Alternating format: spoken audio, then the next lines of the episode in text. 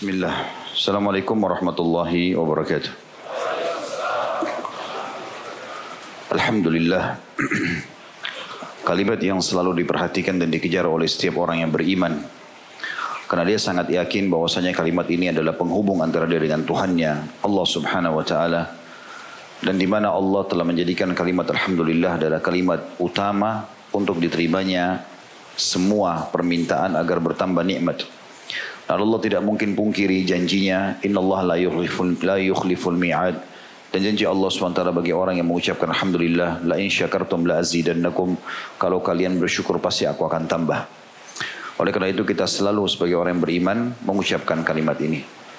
Selanjutnya kita panjatkan salam hormat kita kepada manusia yang telah diperintahkan oleh Allah untuk mengucapkan kepadanya salam hormat. Dan tentu karena mengejar juga janji Allah, karena satu kali salam hormat dibalas dengan sepuluh kali tambahan rahmat.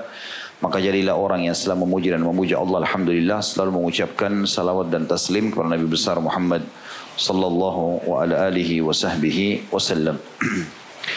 Melanjutkan bahasan dosa-dosa besar kita. Semoga Allah selamatkan kita dari seluruhnya. Dan juga bagi yang pernah melakukannya semoga Allah maafkan.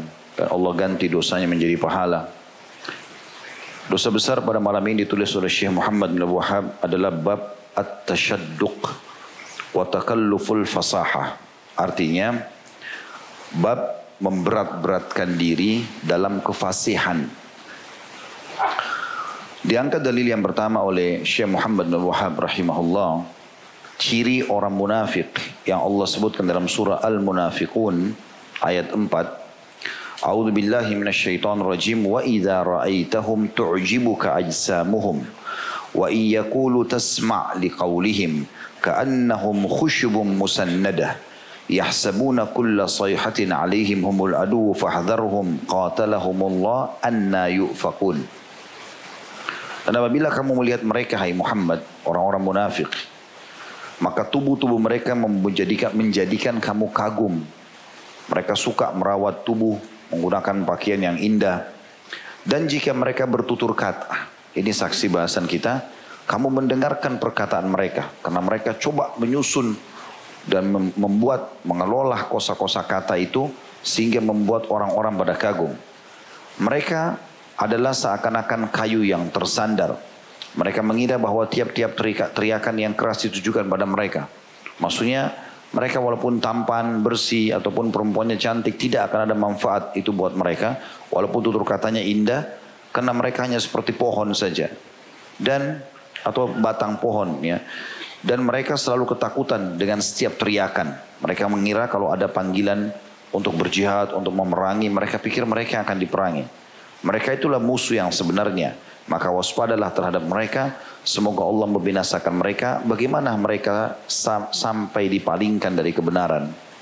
Kita bukan sedang membahas kasus orang-orang munafik ya atau tentang mereka, tapi Allah menekankan dalam ayat ini dan Syekh Muhammad bin Wahab ingin menitik beratkan kalimat wa idza wa iyyaqulu tasma' di kaulihim. Dan kalau mereka berkata, kau pasti akan kagum dan tertarik dengan kosa kata-kosa kata mereka. Nanti kita paparkan panjang lebar masalah itu ya.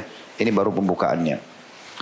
Dan di dalam hadis yang diangkat oleh beliau, ini riwayat Ibnu Umar dan dihasankan oleh Tirmidzi di nomor 2853 secara marfu Inna Allah yabghadu Inna Allah yabghadul baligha min ar-rijali alladhi yatakhallalu bilisani kama tatakhallalu al-baqarah Sesungguhnya Allah membenci sekali yang berlebihan dalam kurung dalam kefasihan di antara para lelaki yang memutar lisannya untuk menampakkan kefasihannya seperti sapi yang sedang makan.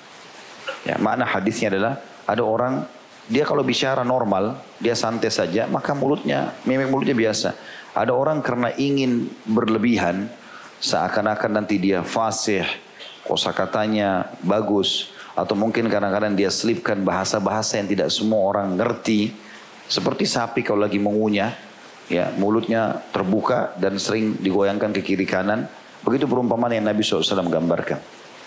Hadis ini ya sudah merincikan makna ayat tadi sebenarnya secara zahir ya bahwasanya yang sedang dibahas oleh Syekh Muhammad bin Wahab adalah masalah tasyadduq orang yang coba merekayasa mereka merekayasa kosakatanya berlebihan Sehingga akhirnya orang pun jadi kagum dengan dia. Dengan cara nanti akan kita rincikan contoh-contoh masalah tasyaduk itu dan apa istilah dalam agama yang lain. Dengan cara memperindah supaya bisa menarik hati orang.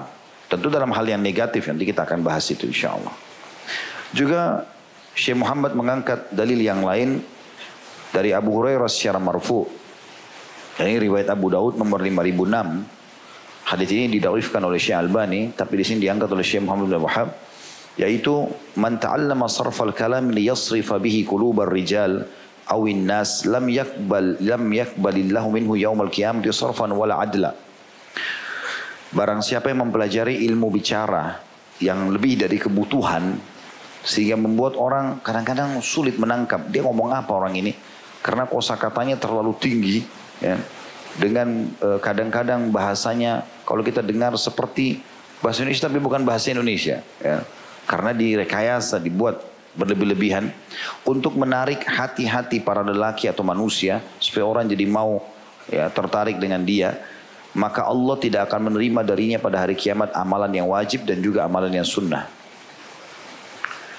dan dalil yang diangkat juga yang lain oleh Syekh Muhammad rahimahullah seperti biasa saya bacakan dulu baru saya akan berikan penjelasan lebih jauh insya Allah dalam riwayat Ahmad dari Muawiyah radhiyallahu anhu, la'ana Rasulullah sallallahu alaihi wasallam alladziina yushaqqiquna al-kalama tashkikal tashkikal syi'r. Rasulullah SAW melaknat orang-orang yang berusaha mencari pembicaraan yang paling bagus, ya. Sebagaimana pada syair. Tapi hadis ini yang terakhir ini adalah hadis riwayat Ahmad nomor 16357, cuma didhaifkan oleh Syekh Albani tentunya. Yang kita pegangnya adalah hadis dari riwayat Tirmidzi yang dihasankan yang orang memperindah kosa katanya berlebihan sehingga seakan-akan dia ucapkan satu kata tapi bukan itu ya, ya sebenarnya maksudnya A tapi dia menggunakan kosa kata yang berlebihan sehingga akhirnya orang seakan-akan menangkapnya B padahal sebenarnya itu yang dimaksudkan cuma untuk menarik perhatian orang saja berlebih-lebihan dalam mengatur mimik mulutnya atau kosa katanya dan ini disebutkan oleh beliau dia di riwayat Imam Bukhari, Ibnu Umar meriwayatkan secara marfu inna minal bayani la sihra. Sesungguhnya di antara penjelasan itu ada sejenis sihir. Hadis riwayat Bukhari. Artinya bisa sampai menarik perhatian orang. Baik teman-teman sekalian, ini yang diangkat oleh Syekh Muhammad bin Wahab. Saya akan coba rincikan. Saya coba telusurin kira-kira bagaimana cara menangkap pemahaman masalah tasyaduk ini. Ya. Maka saya menemukan ada beberapa riwayat yang mungkin menyerupai itu. Dan tadi kebetulan saya menanyakan langsung via WA kepada Syekh Ali Hilabi tentang apakah ini maknanya sama yaitu al-mutanatti'un sama tadi at-tasyadduq itu. Yang disebutkan dalam buku kita tasyadduq ada makna lainnya enggak kata riwayat Imam Ahmad dalam sebuah hadis bunyinya begini. Imam Ahmad meriwayatkan bahwasanya langsung saya ke sahabat Abdullah bin Mas'ud radhiyallahu bahwasanya Nabi SAW bersabda ala halakal mutanatti'un thalath marrat. Sesungguhnya telah binasa al mutanatti'un Nabi ulangi sebanyak tiga kali apa itu mutanatti'un? Ini hadis tentu disahihkan oleh Syekh dan sahih. Menurut banyak sekali perawinya ya uh, yang mungkin saya tidak perlu sebutkan semuanya tapi Imam Muslim juga menyebutkan ini Abu Daud juga menyebutkan dan yang lainnya. Kita masuk ke makna dulu. Apa itu mutanatti'un? Yang Nabi bilang binasalah mereka. Al-Khattabi menerangkan bahwa al-mutanatti' adalah sebutan bagi orang yang berdalam-dalam dan memaksakan diri dalam membahas sesuatu. Serupa dengan metode ahli kalam atau para filosof atau ilmu filsafat. Mereka selalu membicarakan dan menyelami perkara yang tidak bermanfaat serta menekuni apa yang akal-akal mereka tidak mampu mencapainya. Ini salah satu penjelasan. Dijelaskan dalam kitab Fathul Majid di halaman 270 sampai 271. Ya. Saya bilang tadi al-mutanatti'un ini saya sempat tanyakan ke Syekh Ali Hilabi tadi hafizahullah salah satu ulama kita yang tinggal di Jordan. Lalu saya Tanya Syekh apakah mutanatti' ini sama dengan mutasyaddiq tadi? Tasyadduq itu ya yang disebutkan dalam buku ini. Syekh dia beliau mengatakan sama. Artinya sama. Maka kita coba jelaskan al mutanatti' ini karena di sini yang ada banyak penjelasan para ulama Al-mutanatti'un merupakan bentuk jamak daripada tanattu' atau mutanatti' secara bahasa mengandung makna berdalam-dalam ketika berbicara dan menampak-nampakkan kefasihan. Adapun maksud tanattu' dalam hadis adalah tindakan melampaui batas dalam berbicara, melampaui batas dalam beristidlal atau mengambil dalil dan melampaui batas dalam beribadah. Ini diambil dari buku I'anatul Mustafid Bisyarah Kitabut Tauhid punyanya Syekh Saleh Fauzan jadi satu halaman 278. Ibnu Athir, Ibnu Athir ini penulis buku yang masyhur tentang beliau menulis buku namanya buku An-Nihaya. Buku ini khusus untuk mencari kalimat-kalimat yang tidak umum difahami oleh orang dari hadis Nabi SAW. Lalu beliau mengorek dari arti-arti bahasa Arab yang asli. Beliau menjelaskan definisi al-mutanatti' dalam hadis ini diambil dari kata-kata nata'. Nat'u yaitu rongga atas bagian mulut. Kata ini kemudian digunakan untuk segala bentuk yang berdalam-dalam, baik pada ucapan maupun perbuatan. Artinya orang berlebihan dalam berbicara, gitu kan? Ataupun dalam perbuatan. An-Nihaya fi Gharibul Hadith ini Ibnu Athir buku beliau di jilid 5 halaman 63. Di antara makna tanattu' juga adalah bisa masuk dalam makna yang pertama al-itra.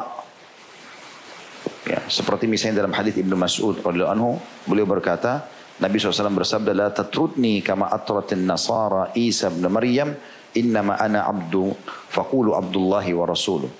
Janganlah kalian berlebihan untuk melampaui batas dalam memujiku. Ini juga semakna. Jadi bisa tasyadduk tadi dalam judul kita di buku ini berlebihan dalam kefasihan atau tadi tanattu' ya. Sama juga maknanya dan juga bisa al-itra dalam hadis ini. La tatrut, la tatruni, kata Nabi SAW. Janganlah kalian berlebihan atau melampaui batas dalam memujiku. Sebagaimana orang-orang Nasrani berlebih dalam memuji Isa putra Maryam. Aku hanyalah seorang hamba. Maka katakanlah bahwa aku adalah hamba Allah dan Rasulnya. Hadis Bukhari Muslim tentunya. Bukhari nomor 3445. Dua kali beliau ulangi di 6830 juga dan Muslim 1691. Juga makna yang lain. Berarti sudah bisa empat kosa kata maknanya sama. Tasyadduk tadi dalam buku kita ini. Ya tanattu' tadi dalam buku dalam makna yang pertama. Kemudian juga al-itra. Ya, dan juga sekarang masuk yang keempat al-gulu. Gulu juga sama dalam bahasa Arab. Itu berarti juga berlebih-lebihan. Di mana Nabi SAW menyebutkan dalam hadis sahih riwayat Ahmad jadi satu halaman 215, 300 juga dalam halaman 347 Al-Hakim dalam Mustadrak jadi satu halaman 466 Nabi SAW mengatakan iyakum wal gulu fa inna mahalaka man kana qablakum al gulu wa fid din. Jauhilah gulu itu berlebihan dalam setiap hal. Karena sesungguhnya orang-orang sebelum kalian tidaklah mereka binasa kecuali karena gulu atau melampaui batas dalam agama mereka. Ya termasuk mungkin berlebihan dalam bertanya. Nanti kan kita kasih contoh itu ya. Ini semua masih makna kalimat. Ya. Kenapa antum ketawa? Saya bukan singgung pertanyaan sebentar. Boleh antum bertanya. Tapi orang berlebihan dan bertanya. Maksudnya sesuatu yang tidak pernah ditanya oleh para sahabat, para tabiin. Dia sengaja ngorek-ngorek untuk bertanya supaya dia pamer kepada orang kalau dia itu hebat. Ya. Itu masuk dalam makna ini. Nanti akan kita jelaskan contohnya. Dan ada seseorang yang sempat digebukin oleh Umar bin Khattab. Justru gara-gara itu. Dia suka bertanya ayat-ayat Al-Quran yang kira-kira orang tidak banyak tanya. Tujuannya hanya untuk pamer sama orang kalau dia hebat. Nanti kita lihat bagaimana sikapnya Umar bin Khattab. Tapi saya nggak akan buat sama antum itu.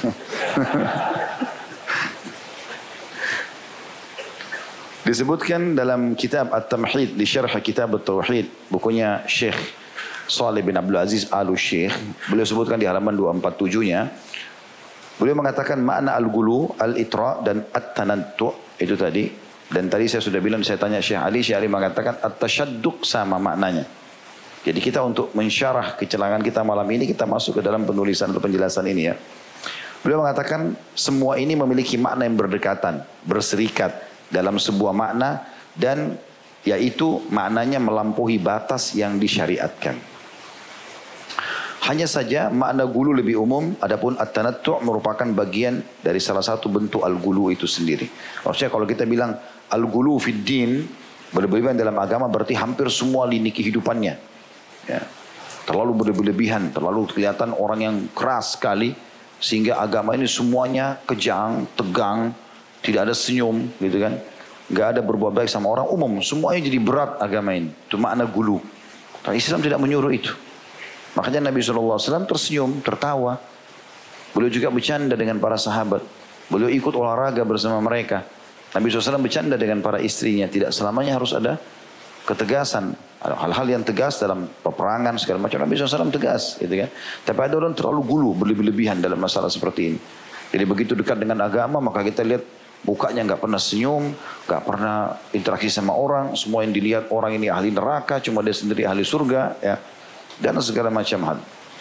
Nah, tapi kalau tasyadduk dan ya, tadi yang kita sedang bahas ini khusus dalam masalah ucapan lisan saja.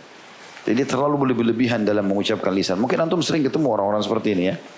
Jadi dia kadang-kadang ucapkan kosakata itu orang susah ngerti nanti kalau sudah dekat oh ini maksudnya. Padahal sebenarnya kalimat itu sudah biasa orang pakai di masyarakat gitu. Saya nggak mau contohkan karena ini dosa. Hanya saja al-gulu lebih umum kata beliau. Dan ini disebutkan oleh Syekh Salih Utsaimin rahimahullah dalam buku uh, Al-Wawlu al, dalam buku beliau Al-Wawulul uh, Mufid. Al-Qaul Mufid maaf, Al-Qaul Mufid. Jadi satu halaman 324. At-tanattu dan juga tasyadduq ini yang sedang dibahas terjadi pada pembicaraan, istidlal dan juga ibadah. Penyakit at-tanattu menjangkit pada pembicaraan sebagaimana penyimpangan ini masuk dalam penyimpangan dalil atau istidlal dan juga ibadah.